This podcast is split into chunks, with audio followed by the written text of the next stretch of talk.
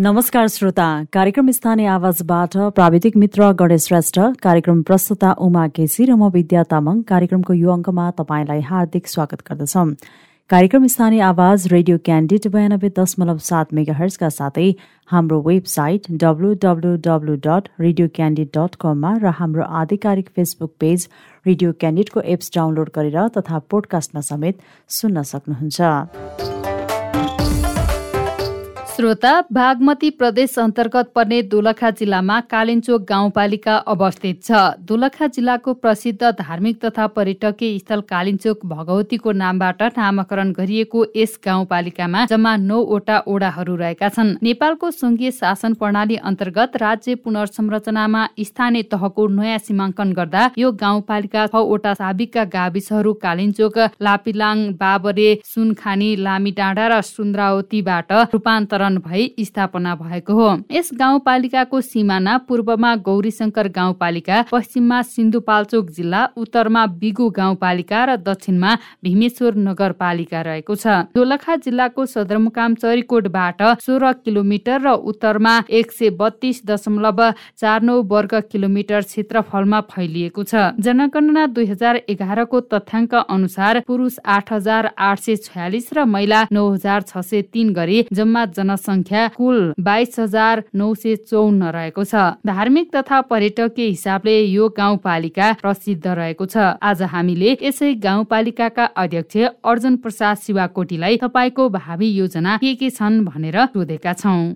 कार्यक्रम स्थानीय आवाजमा यहाँलाई स्वागत छ अध्यक्षज्यू। धन्यवाद। निर्वाचित भएर आइसक्नु भएको पनि दुई तिन महिना भएको अवस्थामा यहाँले चाहिँ पहिलो निर्णय चाहिँ के गर्नुभयो आफ्नो गाउँपालिकाको लागि? हामीले पहिलो निर्णय त डिजिटल कालिम्चोक भनेर गऱ्यौँ। हामी त्यसको प्रोसेसमा लगभग हामीले पुसभरिमा हाम्रा सबै सेवाग्राहीहरूले पाउने विद्यालय स्वास्थ्य वडा कार्यालयहरूमा हामी आफ्नो कन्ट्रोल रुम मात्रै कस्तो खालको सेवा गर्दैछन् भनेर सबै अनलाइनको व्यवस्था गरेर सिसी क्यामेरा सबैको व्यवस्था गर्दैछौँ। त्यसको कार्यान्वयन भइराखेको छ। पहिलो निर्णय त्यही गरेको हजुर अब अलिकति मैले भौतिक पूर्वाधार सम्बन्धित जोड्न चाहे जस्तै सडक सञ्जालहरूको अवस्था चाहिँ कस्तो रहेको छ यस गाउँपालिकामा? सडक सञ्जालको अवस्था एउटा दोलखा सिङ्गती सडक तेइस किलोमिटर खण्ड यो गाउँपालिकाभित्र पर्छ र यसले केही वडाहरूलाई जोडेको छ। अरू वडाहरूको सडक सञ्जाल दुर्दशै छ। अब हिउँदमा मुस्किलले सानो यसो बोलेर सोलेर चढ्न छ नि बर्खा केही नचल्ने त्यस्तो अवस्था छ रौतिकमा सडकहरूको अवस्था।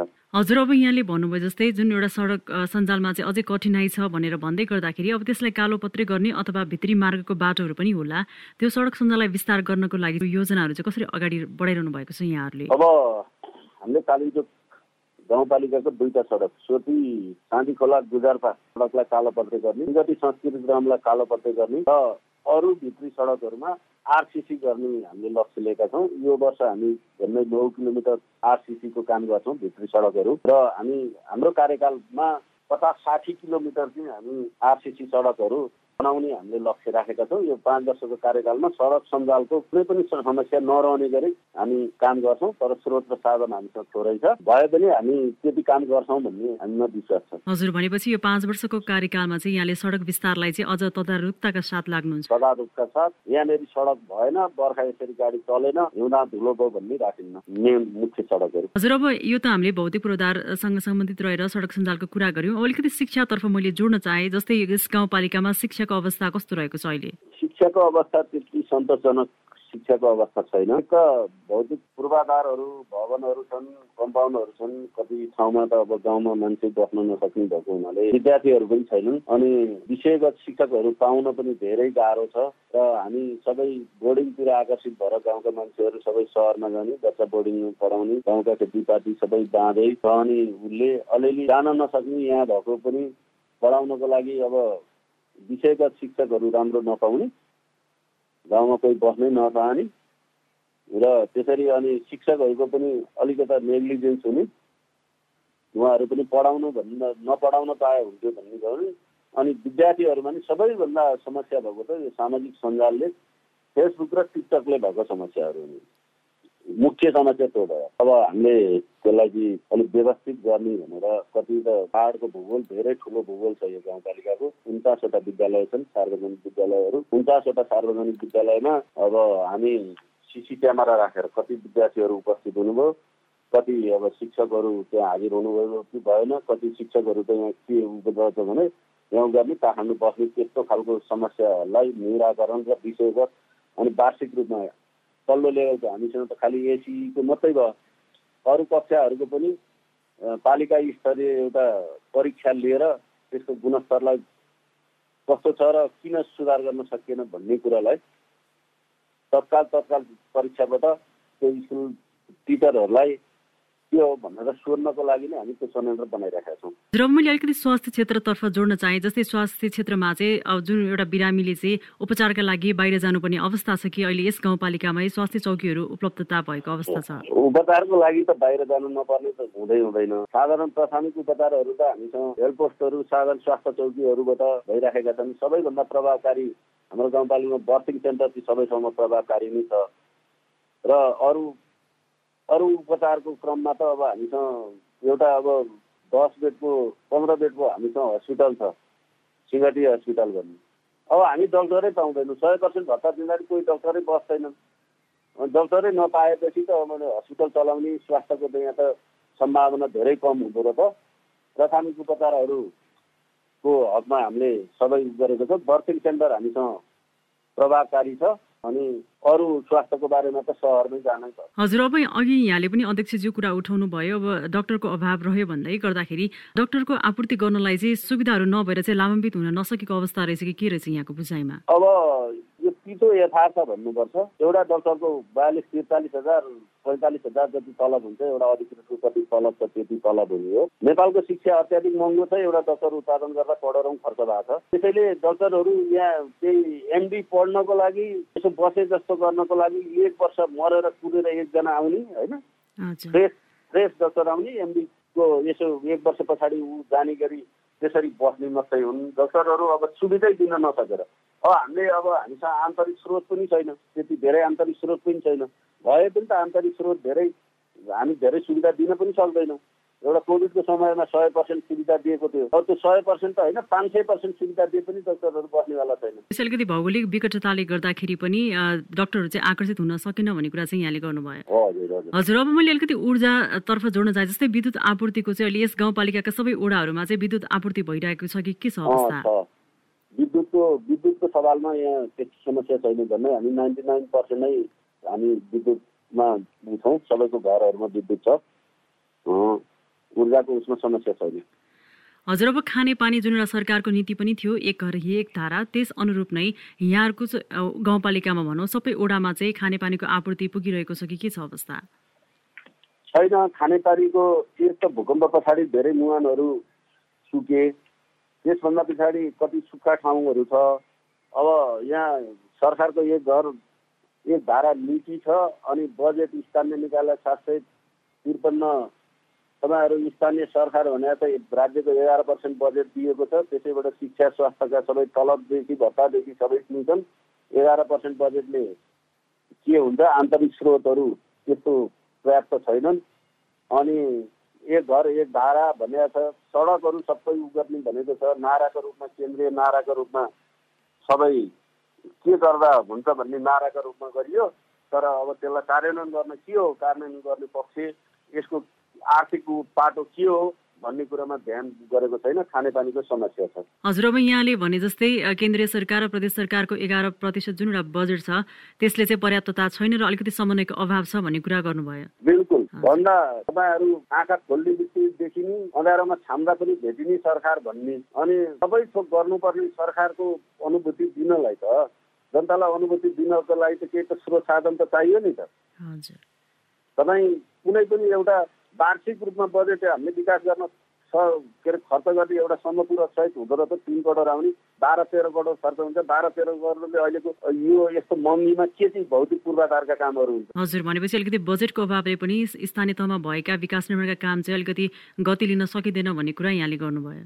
हजुर भौतिक पूर्वाधारको कामहरूमा गति लिन सक्दैन अरू अब यस्तै अब शिक्षा स्वास्थ्यलाई अलिक सुधार्ने गर्ने कुराहरू मात्रै हुन्। भौतिक पूर्वाधार गर्न त यति बजेट प्राप्त हुन्न। स्थानीय निकायलाई तिस पर्सेन्ट बजेट खर्च गर्न राज्यको तिस पर्सेन्ट बजेट दिने हो भने जनअपेक्षा अनुसार भौतिक पूर्वाधार पनि हुन्छ। अलिकति मैले आर्थिक उपार्जनतर्फ जोड्न चाहे जस्तै कृषि क्षेत्रमा पक्कै पनि कालिम्चोक गाउँपालिकाले पनि सम्भावना बोकेको छ भन्ने लाग्दछ हामीलाई। कृषि क्षेत्रमा चाहिँ जुन उपार्जन भएको चिजहरूलाई आर्थिक समृद्धिको पाटोमा अझ भनौँ बजारीकरण गर्नको लागि चाहिँ यहाँले कसरी योजनाहरू अगाडि बढाउनुहुन्छ अबका दिनमा। हामी अहिले यहाँ कालिम्पोङ गाउँपालिकाको समृद्धिको लागि कृषि नै हो।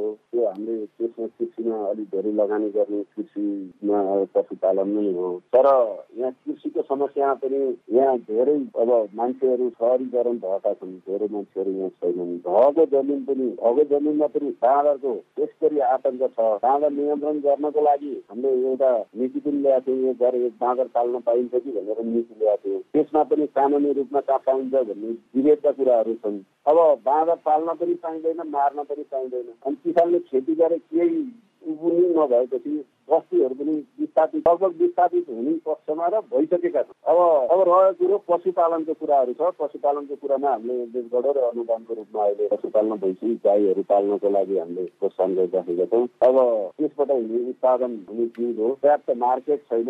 यहाँदेखि काठमाडौँ लाँदा धेरै महँगो पर्छ र यहाँको कृषिमा पनि धेरै अप्ठ्यारो छ तर अहिले हामीले कृषकहरूलाई चाहिँ तपाईँहरू जे उत्पादन गर्नुहुन्छ हामी खरिद गरिदिन्छौँ बजारमा लगेर हामी बिक्री गरेर तपाईँको घरमा पैसा ल्याइदिन्छौँ। हामी कृषि एम्बुलेन्सका रूपमा हामी सहजहरू किनेर बजारको व्यवस्था गर्छौँ। तपाईँहरू उत्पादन गर्नुहोस् भनेर अहिले हामी अभिमुखीकरण गर्छौँ कृषिमा चाहिँ नगदे बाली जुन एउटा आर्थिक समृद्धिको पाटो पनि बन्न सक्छ त्यस्तो के के रहेका छन् यस गाउँपालिकामा हालै नगदे बालीका रूपमा यहाँको भूगोल उसमा हुने किवी खेती अब पहिला किवीको राम्रो मार्केट थियो। अब यसपालि अब किवी पचास साठी रुपियाँमा कृषकले बेच्नु पऱ्यो। त्यसतिकै कृषकहरू निराश हुन्छ। एउटा सिजनमा एक चिजको अब अदुवा खेती गरे पहिला कृषकहरू अदुवाको खुब भाउ थियो अहिले अदुवा बिक्री हुँदैन। समय अलैँचीको भाउ थियो अलैँचीको खेती गरे धेरै कृषकहरूले अलैँचीको फेरिको भाउ नै हुन्न। अमृतको अब नगदे बालीहरूमा नि कृषकप्रति अलिकति नकारात्मक भइसक्यो कि। यो एक वर्ष हुन्छ होला अर्को वर्ष हुँदैन होला भन्ने त्यस्तो खालको सोच भइसक्यो। हजुर भनेपछि अलिकति कृषि क्षेत्रलाई पनि समृद्धि गर्ने हिसाबले चाहिँ यहाँहरू अगाडि बढ्नुपर्ने देखियो होइन त? हजुर हजुर। त्यो हाम्रो उद्देश्य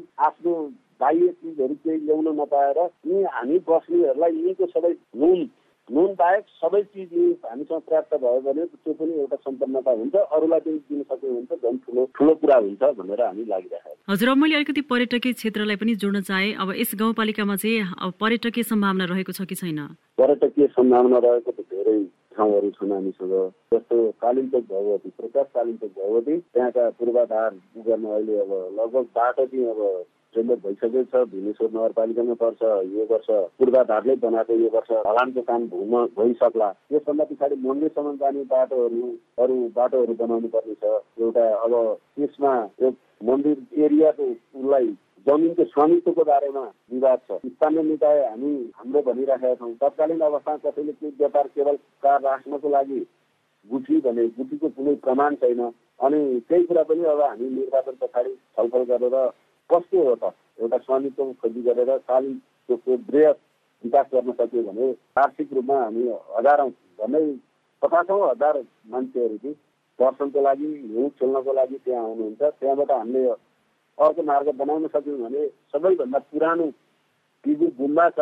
टिबु गुम्बा भयो अनि यो रामायण सर्किटसँगै जोडिने जोडिने संस्कृति ग्राम भन्ने छ। सिङ्गेश्वरको यो हाम्रो आध्यात्मिक उसमै भेटाइन्छ। श्रीनेश्वरको एउटा भूमि छ र विविध यस्ता कालिनाग लगायत विविध भूमि पर्यटकीय छन्। पर्यटकीय भन्ने बित्तिकै धेरै पूर्वाधार तयार गर्न धेरै महँगो छ।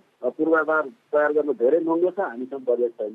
भनेपछि बजेट अभावले पर्यटकीय क्षेत्रहरू सम्भावना हुँदा हुँदै पनि यसलाई अगाडि बढाउन चाहिँ अझै कमी कमजोरी देखियो। देखिराखेको छ। हजुर अब गाउँपालिका भन्ने बित्तिकै समृद्धिको पाटो सँगसँगै युवा स्वरोजगारको कुरा पनि आउँछ होइन? युवाहरूलाई चाहिँ यहाँले परिचालन गर्नका लागि कस्ता योजनाहरू चाहिँ तर्जुमा गर्नुहुन्छ अबका दिनमा? युवाहरूलाई परिचालन गर्नको लागि हामीले अहिले सामूहिक कृषिको अवधारणा गरेका छौँ सामूहिक पशुपालनको उसमा गरेका छौँ जतिमा आठ दसजना आठ दसजना मात्रै कृषकहरू के अरे आठ दसजना ले एउटा सहकारी स्टाइलको कुनै पनि योजना लिएर आउँदा हामीले फिफ्टी पर्सेन्ट अनुदान दिने गरेका छौँ। अस्ति हामीले लगभग केही समूहहरू आ आठवटा समूहहरू बनाएर आउनु भएको थियो। पशुपालनको लागि हामीले एक करोडदेखि अनुदानको रूपमा वितरण गरेका छौँ। अब हामी ट्रायलको रूपमा त्यसलाई हेर्छौँ। अनुदान दुरुपयोग हुने अनुदानलाई दुरुपयोग गर्नलाई गाउँपालिकाको सेवा सुविधाबाट वञ्चित गर्ने भनेर एउटा हामीले कार्यविधि पनि बनाएका छौँ।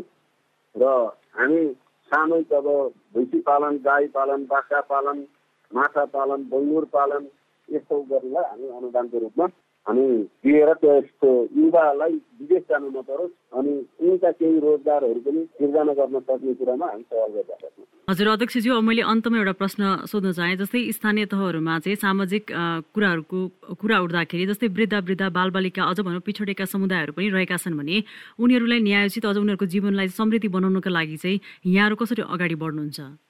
त्यो कुरामा हामी संवेदनशील छौँ। यहाँ त्यति बालबालिका महिला हिंसा वृद्धहरूप्रति त्यति अमानवीय घटनाहरू भएको हामीसँग त्यति जानकारी आएको छैन।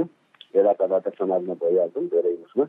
त्यस्तो कुराहरूलाई न्यूनीकरण गर्ने वृद्धहरूको सवालमा त उसको परिवारलाई नै अब दायित्व तपाईँको हो भनेर जनचेतनाका कुरा गर्ने बालबालिकालाई अनिवार्य शिक्षाको पहुँचमा लाने र महिलाहरूको हरेक विषयलाई महिला हिंसा हुन नदिने र कामको कुरामा सबै समान हिसाबले काम गर्नुपर्ने। अभिमुखीकरणका कामहरू र हामीले केही गर्न सक्ने खानापिना हाम्रा स्रोत साधनले भएसम्म त्यस्ता अब हामी महिलाहरूको बाल बालिकाको उसमा हामी सभा गोष्ठीहरू चलाइरहेका हजुर भनेपछि बालबालिका महिलाको पुनरुत्थानका लागि पनि यहाँहरू लागि परिरहनु भएको छ। हजुर हजुर। हजुर कार्यक्रममा समय दिनुभए यहाँलाई धेरै धेरै धन्यवाद। अन्त्यमा यहाँ केही भन्न चाहनुहुन्छ? धन्यवाद। तपाईँको लोकप्रिय रेडियोबाट जुन मेरा पालिकाका समस्याहरू र हामीले गरिराखेका कुराहरू जुन प्रसारण गर्नुभयो धन्यवाद भन्छु। अनि अरू अरू गतिविधि गयो भने फेरि पनि तपाईँको मिडिया मार्फतबाट जनता समक्ष पुर्याउनेछौँ। आजको कार्यक्रम स्थानीय आवाजमा हामीले दोलखा जिल्लाको कालिन्चोक गाउँपालिकाका अध्यक्ष अर्जुन प्रसादसँग भावी योजनामा केन्द्रित रहेर कुराकानी गर्यौं। कार्यक्रम सुनेपछि तपाईँलाई कुनै सुझाव दिन मन लागेको छ अथवा कुनै स्थानीय तहका प्रतिनिधिसँग कुराकानी गरिदियो हुन्थ्यो भन्ने चाहनुहुन्छ भने हामीलाई हाम्रो फेसबुक पेजमा मेसेज गर्नुहोस् अथवा कार्यक्रमको इमेल ठेगाना radio Candid ninety two point seven at the rate Gmail dot कममा मेल गर्नुहोस्। उपयुक्त सुझावलाई हामी पक्कै ग्रहण गर्नेछौँ। कार्यक्रम सुनिदिनु भयो तपाईँलाई धन्यवाद। हवस् त अर्को अङ्कमा फेरि भेटौँला। गणेश श्रेष्ठ उमा केसी र म विद्या तामाङ विदा भयौँ। नमस्कार।